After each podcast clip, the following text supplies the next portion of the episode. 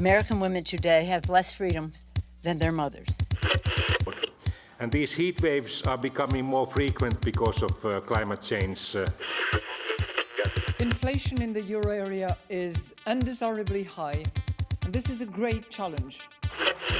Every image is a new discovery, and each will give humanity a view of the universe that we've never seen before.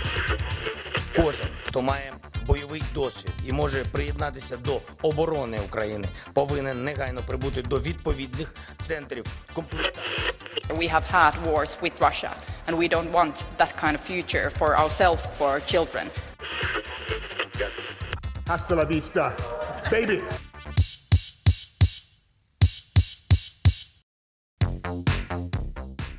Þú ert að hlusta á heimskviður. Þáttin um allt sem gerist ekki á Íslandi. Ég heiti Sunna Valgerðardóttir og ég heiti Birta Björstóttir. Við verðum á stórveldaböksunum í dag. Rúsland og breska konungsveldið er á dasgrá.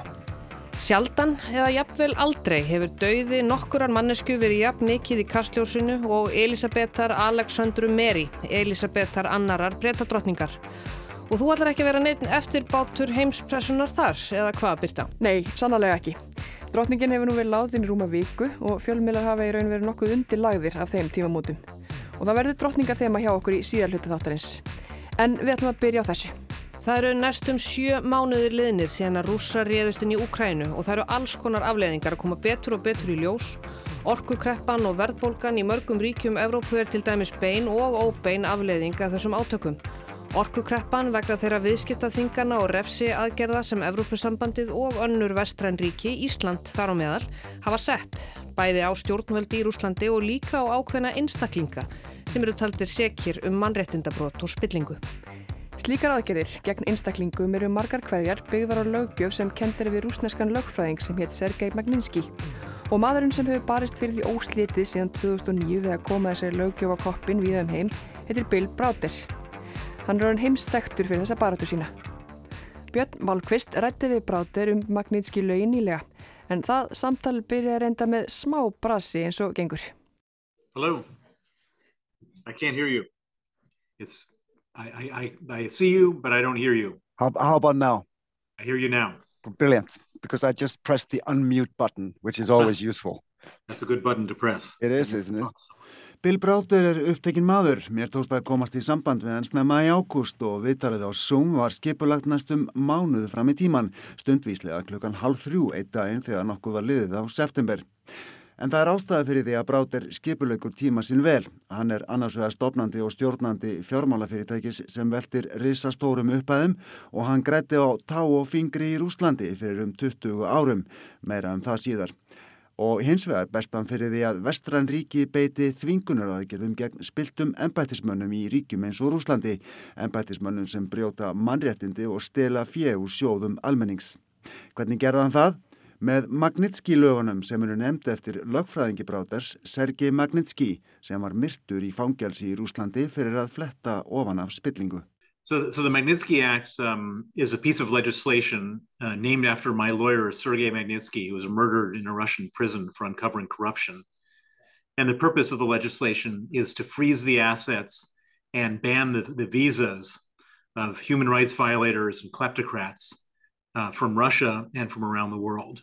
Og með þessum lögum er þetta að frista eigur þeirra sem ríkja með þjófræði og brjóta mannréttindi og meina þeim að ferðast.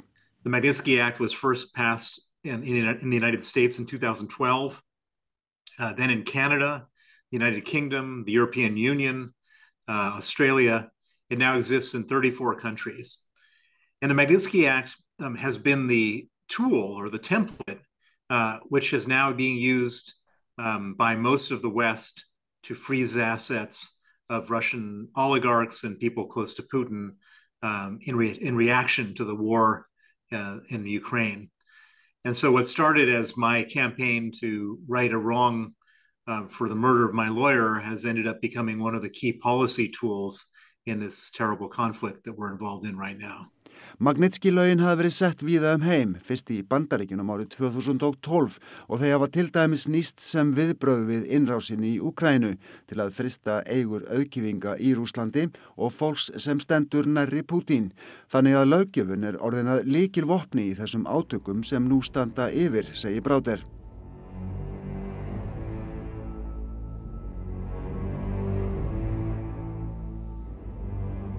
Baráta Bráters fyrir réttlæti til handa Sergei Magnitski hófst í lok ás 2009. Magnitski var myrtur í november það ár og Bráter viðukennir að þessi baráta hafi ekki gengin eitt sérstaklega vel í byrjun. En þremur árum síðar náðist mikilvægur áfangi þegar bandaríkjathing samþykti fyrstu Magnitski laugin og þáverendi bandaríkjafósiti Barack Obama staðfestuði í desember 2012 rétt rúmum þremur árum eftir andlát Sergeis Magnitski. En það var mótvindur í fyrstu, segir Bráter, meðal annars vegna þess að vestræðinni stjórnmálamenn vildi ekki rugga bátnum. Það var mikið af rúsnesku fjármagnið að flæða inn í vestræðin ríki, fólk vildi kaupa rúsnest gas og enginn vildi tróða ítsakir við Pútín. For, for many years, when I was going around the world um, meeting with politicians and government officials in the West, advocating for sanctions against uh, Russian human rights violators, I was met with a cold shoulder. Uh, most people didn't want to deal with it. Um, there, there was a lot of reasons for Western politicians to try to keep the status quo. There was a lot of money flowing from Russia into the West. There was a lot of gas from Russia that people wanted to buy. Um, and everybody didn't want to have trouble with Putin. En þegar rússar riðust inn í Úkrænu fór vindurinn að blása með bráter og fólk sem var á mótonum áður fór að ringja og byggja um góð ráð og aðstóð því hann er, segir hann, einna fáum sem hafa þurft að kljást við Putin og þekkir hans veiku hliðar. And so I, I was very much uh, fight, uh, leaning against the wind. I was really having to, to fight a very hard fight to get the Magnitsky Act into place. Uh, but ha- having said that, I, I, succeeded, and and and uh, now with Russia invading Ukraine, um, people come back to me and, and say, you know, you were right, Bill, um, that Putin is a terrible criminal. He is a murderer. He is a, he is somebody that needs to be dealt with. And so the same people who were um, making my life difficult before are now calling me up for for advice and input because I'm one of the few people who has dealt with Putin fought with Putin um, and understand his weak points.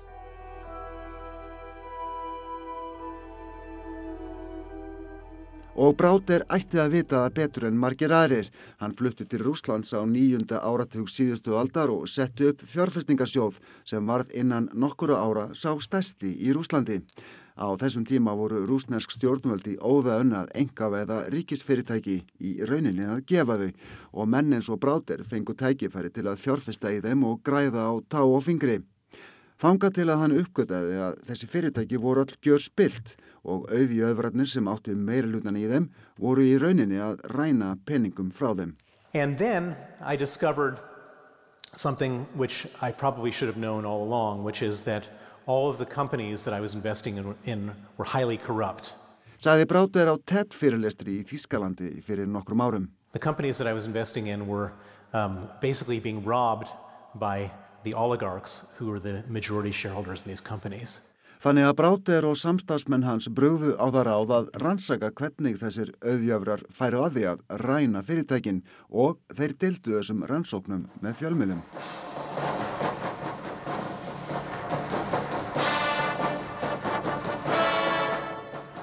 Um svipa leiti var nýr fósettið að komast til valda í Rúslandi, Vladimir nokkur Putin. Þessi upptaka er frá atöfnin í Kreml þegar hann var settur í ennbætti 7. mæ fyrir 22 árum. Og það kom í ljós að Bráter og Putin áttu að vissuleiti samleið. Þeir voru að slást við sömu mennina. And it turns out that he had been fighting with the same guys I was fighting with. They were stealing power from him at the same time as they were stealing money from me. Þannig að og Putin áttu hagsmunni allavega um. But it turns out that Putin wasn't doing this um, because he cared about cleaning up Russia. Um, he was doing this for another reason. He wanted to win his war with these oligarchs.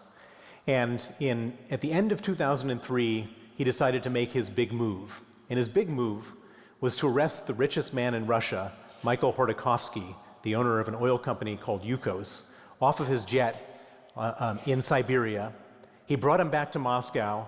Uh, he put him on trial, and he allowed the television cameras to come into the courtroom to film the richest man in Russia on trial sitting in a cage. En það kom í ljós að Pútín var ekki aðeins til að reynsa upp spillingu í Rúslandi. Hann vildi vinna stríðið við auðkýfingana og í áslokk 2003 tók hann líkil skref sem var að handtaka ríkasta mann Rúslands, Mikhail Kotokovski, eiganda oljufélagsins Jukos, flytjan til Moskvu, halda yfirunum réttarhöld og leifa sjómas tökuviljum að myndan í domsalnum, sitjandi í búri. Og Þar með var Pútin búin að sigra í stríðinu við auðkýfingana sem samþyktu hver af öðrum að deila sínum auðafum með honum til að enda ekki í búri eins og Bráter orðaða. Og þá fóru hagsmunni þeirra Pútins og Bráters ekki lengur saman. Bráter var núna að fletta hon af spillingu þar sem Pútin átti hagsmunni að gæta. Og svo fór að lókum að Bráter var handtekinn, vísaður landi og sagðu vera ógn við þjóðaröryggi.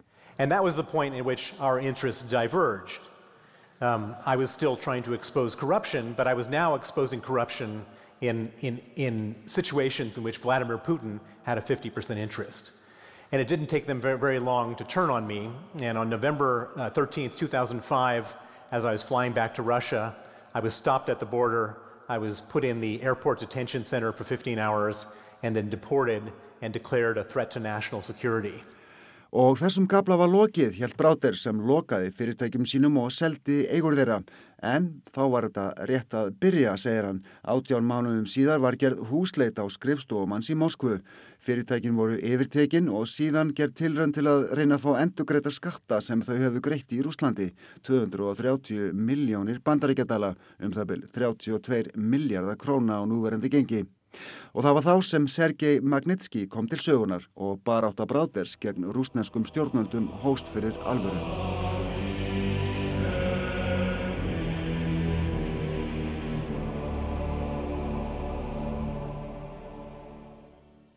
Bráter hefur stundum verið kallaður Pútins nr. 1. Hann hefur sjálfur haft þetta í en síðan í vor hefur röð Pútins breyst svo litið, segir hann. Well, um, first of all, at this point, I think it's it's fair to say that I'm not his enemy number one. I think his enemy number one is Vladimir Zelensky, the president of Ukraine. I think his enemy number two is um, Alexei Navalny, the uh, dissident who exposed many of Putin's biggest corruption scandals. But I think I'm solidly um, enemy number three. Um, why am I uh, enemy number three? Uh, simply because Putin um, is a man who has spent his entire life stealing from his own country. He's a kleptocrat in the truest sense of the word. And over a um, 22 year period, uh, he and the people around him, about a thousand people around him, have stolen a trillion dollars from the Russian state.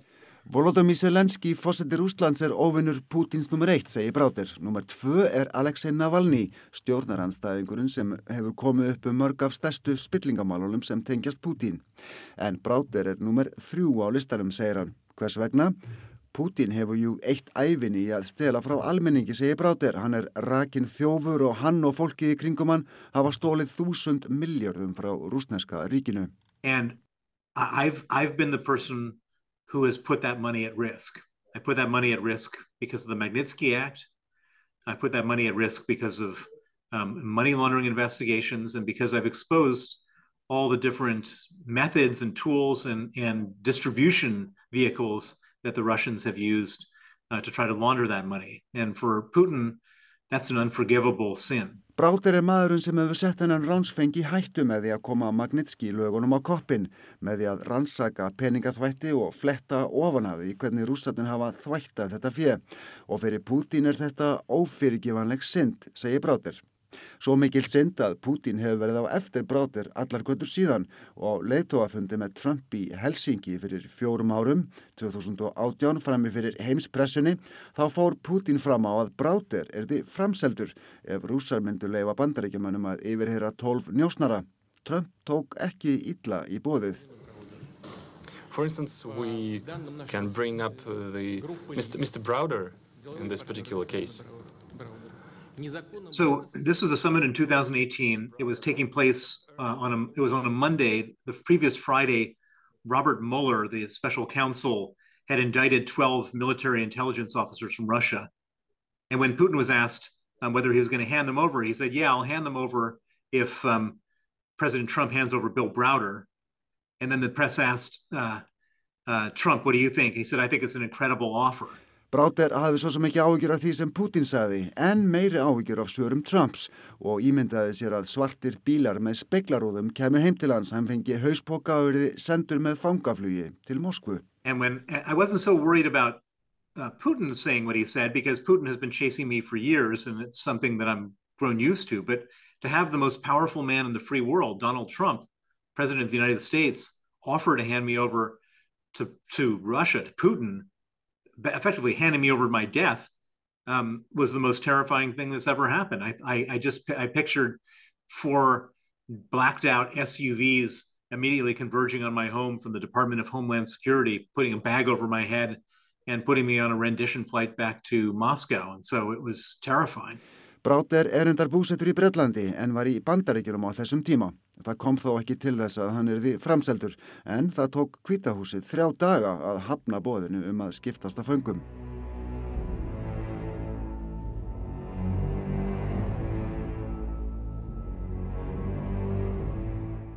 Síðan 2009 hefur Bráter ferðast um heiminn, reynt að sannfara stjórnvöld og ennbættismennum nöðsinn þess að setja lögin sem kendur við Magnitski og hann hefur notið aðstóðar fjölmarkra. Þar á meðal er þektur stjórnarandstöðu þingmaður í Rúslandi sem heitir Vladimir Karamurza sem var á sínum tíma læri sveitn Boris Nemtsovs, annars stjórnarandstöðu þingmanns sem var myrktur nálagt Kreml árið 2015.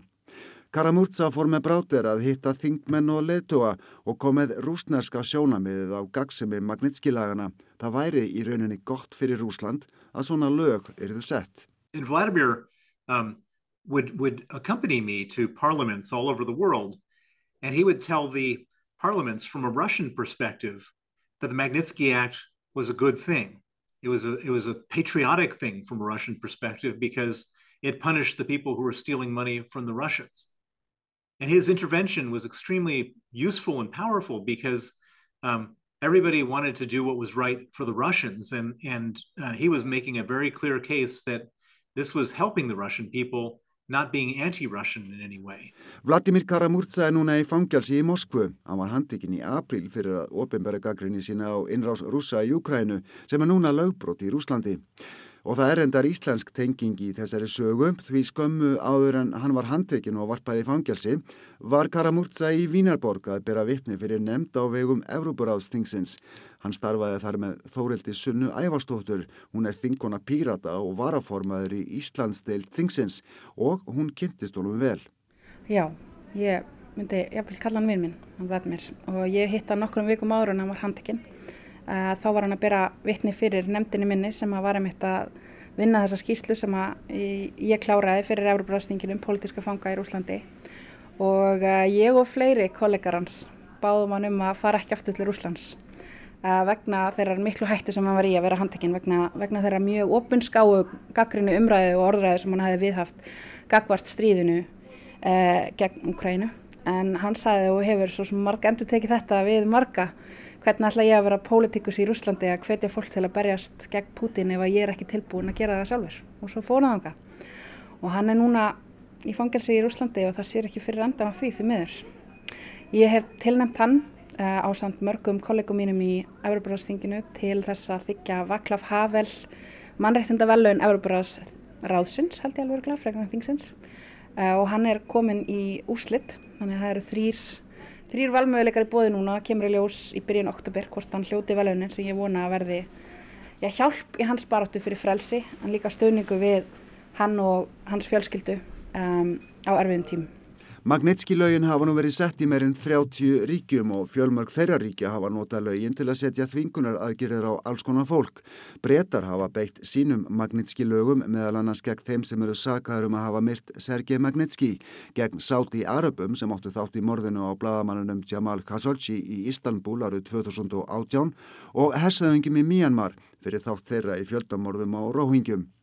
Evrópusambandi tók upp lög af þessu tægi fyrir tveimur árum. Þau eru stundum kölluð hinn evrósku magnitski lög en snúa reyndar meira að mannrettundabrótum heldur en spillingu.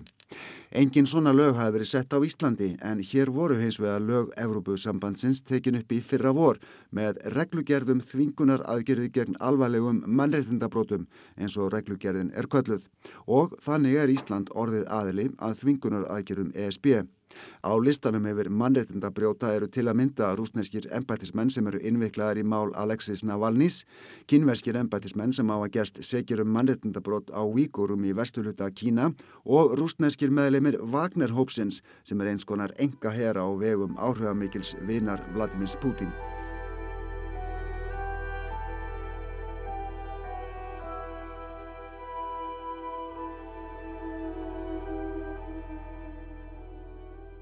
Taland um Rúsland, hvernig líst brátir á ástandi þar og líkunar að því að einhverjar breytingar verði á stjórnarfari í Rúslandi. Hann segist vera bæði vondauðvari og bjarsitni. Putin hafi tekið áhættu með innrásinni í Ukrænu og ráðist harkalega gegn öllum sem gaggrina hann. En á sama tíma hafi Putin líka aukið pressuna á sjálfan sig. Takið hann eitt ránt skref, segi brátir, gæti almenningur riðsið gegn honum. Líkunar á því að eitthvað rótgætt gerist hafa aukist en akkurat núna sé það fremur óleiklegt. A lot, a lot less hopeful in one way and a lot more hopeful in another way. So Putin has really gone out on a limb in terms of this war in Ukraine. He's he in doing so he's also um, going highly aggressively against anybody who's dissident in Russia, and that's really negative and a very demoralizing and a very negative trend. But at the same time, uh, he's created such a, pressure cooker situation for himself with the Russian people, with the West, that it's the kind of thing where if he makes one wrong step, there could be massive public uprising. And if there is that, then someone like Vladimir Karamurza could become the next prime minister of Russia. And so, on one hand, his actions are very negative, but on the other hand, the probability of something dramatically changing, I think, has increased. Mm-hmm. But mm-hmm. it's still a low probability at this moment in time.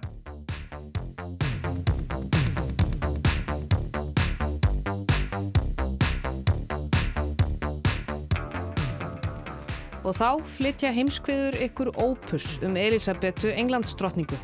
Birta tekur nú við.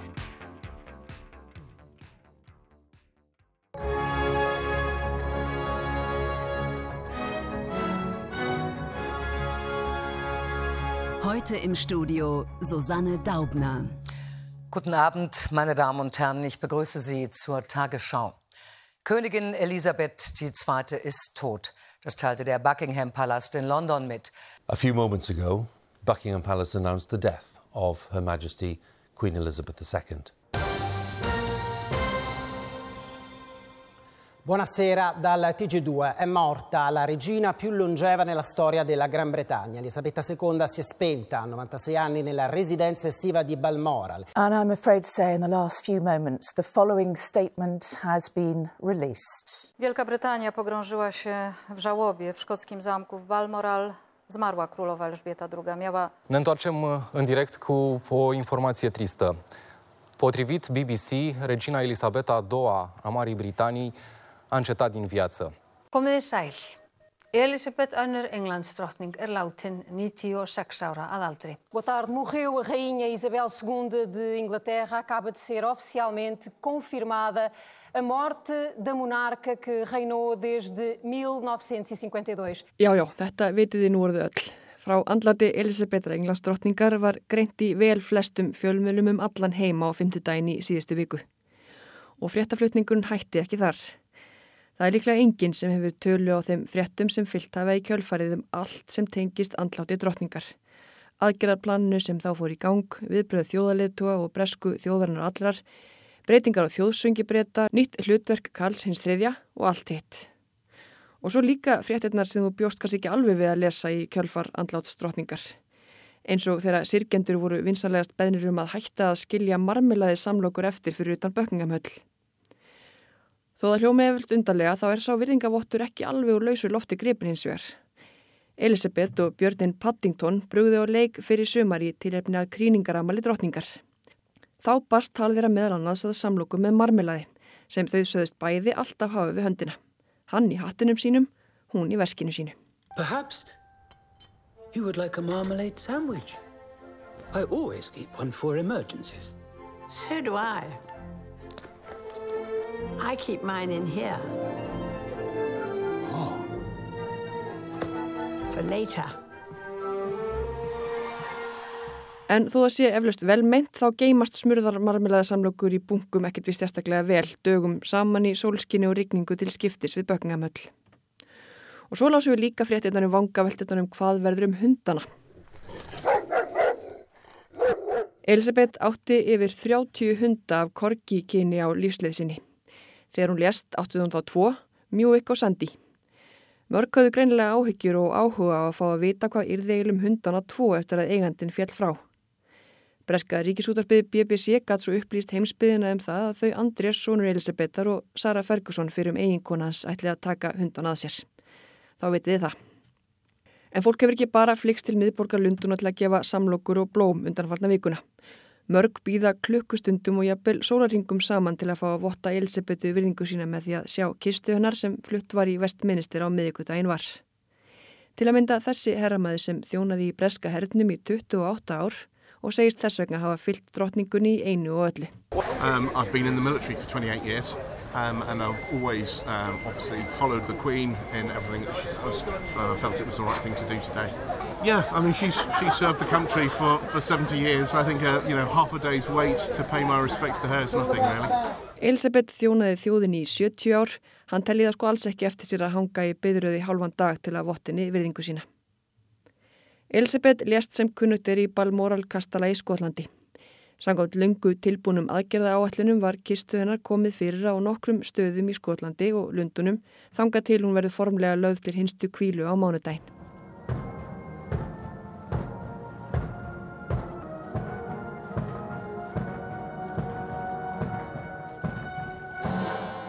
Á þriðu dag var kistunni flóið til Lunduna og henni ekið í Bökkingamhöll. Þaðan var farið í heljarnar göngu frá höllinni til Westminster Hall þar sem stutt aðtöp fór fram. Klukkunni í Big Ben var ringt á mínútu fresti á meðan á þessu stóð og skotið úr bissum í Hyde Park, drottningunni til dýrðar.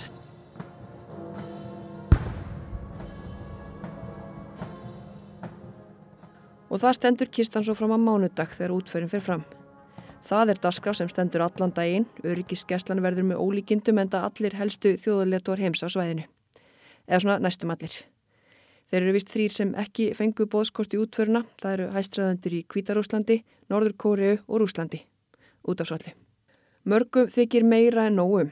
Fyrir vikunni kom fram í fréttum okkar að kostnæðurinn við valdaskiptin geti verið um þúsund miljardar íslenska króna. Þetta er Björn Berg Gunnarsson, deildastjóri greiningar Íslandsbanka í viðtali í kvöldvettum sjónvars á fymtudag.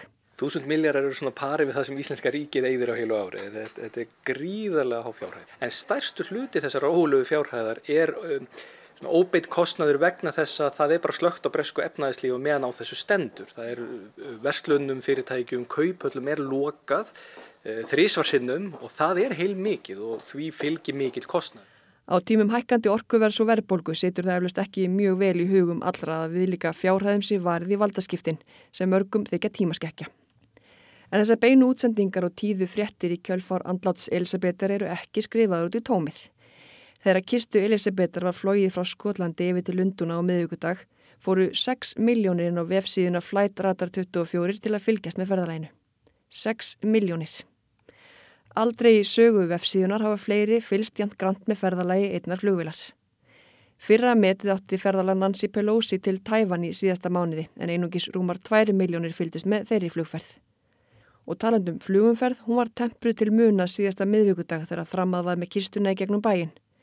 Flugfélagi British Airways aflýsti átta flugferðum þennan tildengna dag til að hljóðmengun frá flugi til annara Evrópulanda raskaði ekki hinstu för Elisabetar frá Bökkingamöll.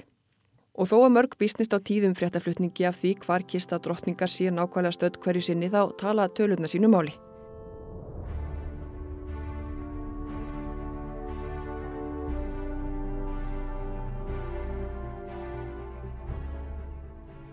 Og ætla einhverjur úr þeim hópi sé ekki laumu rájulastarinn við bein. Allavega er það til dæmis svo að eftir að Elisabeth fjall frá fyrir rúmri viku síðan hefur áhorfa á þáttaræðarnar fjórar The Crown um sögu hennar stór aukist. Áhorfið á þættina í gegnum streymis veituna Netflix hefur aukist um 800% frá því að Elisabeth lést.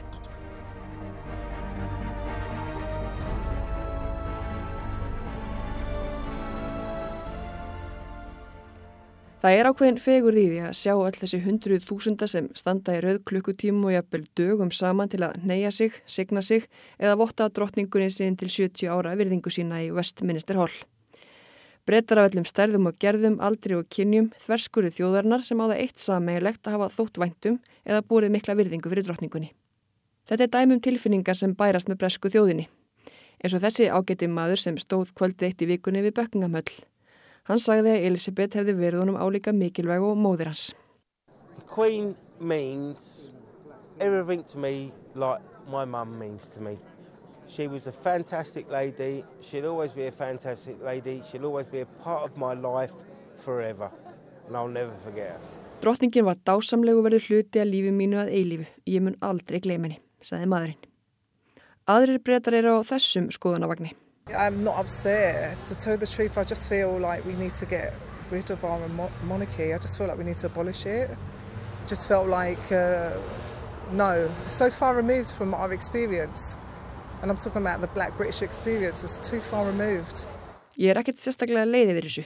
Mér líður nú enn frekar eins og við þurfum að losa okkur við konungsveldið.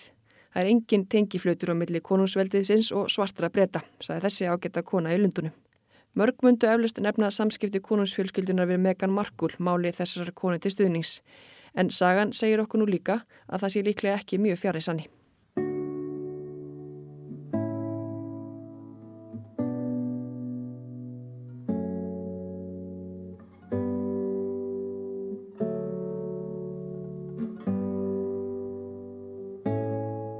Um það leiti sem Elisabeth fættist náði breska heimsveldið yfir um fjórðung af öllu landsvæði jarðar. Ég endur þegg fjórðung af öllu landsvæði jarðar. Og þar voru ekki allir jafnir. Með þrælahald og arðrán á nýlendu þjóðum sem nesti frá forföðurum sínum varð Elisabeth drottning 25 ára gömul fyrir talsveit löngu síðan. Margt breyttist í þessi 70 ár sem Elisabeth var drottning. Þau eru um 20 löndin í Afríku og í Karabíska hafinu sem öðluðist sjálfstæði í stjórnundiðanar. Arðrán í nýlendum er nokkuð sem hluti af auði og velmegum konungsfjölskyldunar byggir á. Og sumt er sínilega en annað. Þannig hafa stjórnvöldi í Indlandi og í Pakistan ítrekkaði láti reyna á það fyrir domstólum að fá aftur svo í Nór Demant sem prýðir eitt af krúnudjástum drottningar. Demanturinn rataði í krúnudjástum Viktoríu drottningar og prýðir þau enn. Elisabeth var alltaf tíð spura og miklar yfirlýsingar en uppgjör við þessa fortíð breska heimsveldisins er nokkuð sem talsverð eftirspurn hefur verið hjá núverandi og fyrirverandi nýleiti þjóðum. En það voru ekki öll harmi slegin þegar fregnir bárust af andlati Elisabethar. So as a Zimbabwean for me the death of the queen um, is a stark reminder of um, the wrath that uh, Britain had on us you know, and its western world where we witnessed the plunder of our natural resources. Þessi ágættu maður frá Zimbabwe en það er eitt þeirra Afríkuríkja sem öðlaðist sjálfstæði í stjórna til Elisabetar. Maður saði andlátt Elisabetar einfallega minna enn og aftur á valdniðslu breyta í heimalandi hans, meðal annars arðrán á náttúruðulindu. Og svo eftir að koma í ljós hver staða breska samveldisins verður í stjórnatíð Karls III. Síðasti Karl með stóru kái sem var konungur í Breitlandi ríkti á árnum 1668 til 1685. Hann átti þræla sem hann hafði í vinnu við hilsina. Karl III getur ekki gengið að því vísu að þær nýlendu þjóðir sem enn tilhera breska samveldinu sverji honum sömu hótlustu og móður hans. Þannig hefur fórsetisráðara Eiríkisins Antíkva og Barbuda þegar búða til þjóðuratkvæði greiðslu um hvort landi vilji slíta sig frá bresku konusfjölskyldunni. Það gerðunum leið og Elisabeth fjall frá en landið hans er eitt þeirra 14 ríkja sem enn hefur breska konungin sem þjóðhauðingja. And whatever may be your background or beliefs, I shall endeavour to serve you with loyalty, respect and love as I have throughout my life. Karl III sagði í áarpi sínu að hann vilji verða konungur allra, saman hvað þeir koma og saman hvað þeir trú á. En þó Karl III hafi verið í starfsþjálun frá því hann fættist ef svo má segja eru breyttir tímar. Hann tekur auðvitað við starfinu á tímum þar sem allir eru með síma og myndskeið dreifast á ljós hraðaðum heiminn ef eitthvað áleitlegt er á þeim að finna. Þannig hafa tvö myndskeið af konunginum nýja rataði dreifingu undanfarnar vikuna sem sína Karl kannski ekki sína alla sína bestu hliðar. Það fyrra var tekið þegar hann skrifaði undir formlega yfirlýsingu um embættistökuna. Þá likur eitthvað dót á borðinu sem hann er að fara að setjast við til að kvitta á plaggið og í staðin fyrir að færa það hreinlega sjálfur gefur hann nokkuð freklegar bendingar til viðstæðar um að færa drastlið í burtu. Hitt atveki var tekið upp þegar hann var að skrifa napsitt í gestabókinni í Hilsbórokastala fyrir vikunni. Þar verðist blekpennas leka og verulega uppstökkur konungurinn heyrist bæði segja ó, hvað ég hata þetta og ég þól ekki svona hluti. Oh God, I hate this. No, look, it's going everywhere. So nobody got to What is that? No, look, it's everywhere. Can't bear this bloody thing. What do we do? Everyone's stinking. Þá hefur verkalýsfélag ofinbæra starfsmanna í Breitlandi gaggrínt ákvarðun hins nýja konungs að senda um 100 starfsliði sínu uppsagnabrif. Starfsfólki sem vann í Clarence House þar sem Karl og Camilla kona hans byggu. Nú flytjaðu hins veri í Bökkingamhöll og þá þurfa fyrir um starfsmenn að finna sér eitthvað annað að gera.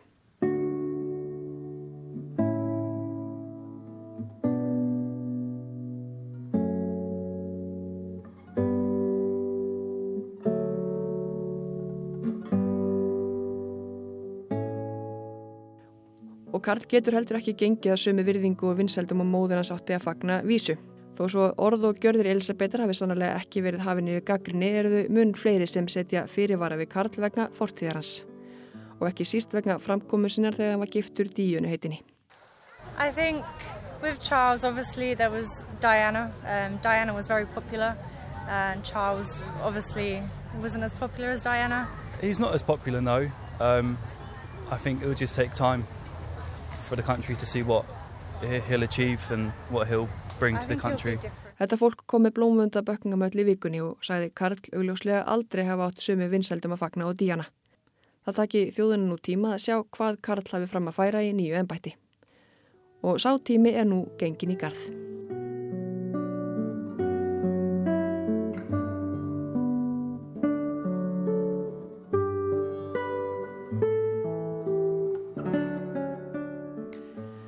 Og þetta voru loka orðin í heimskviðum þessa vikuna. Við verðum hér aftur á sama tíma í næstu viku. Takk fyrir að hlusta.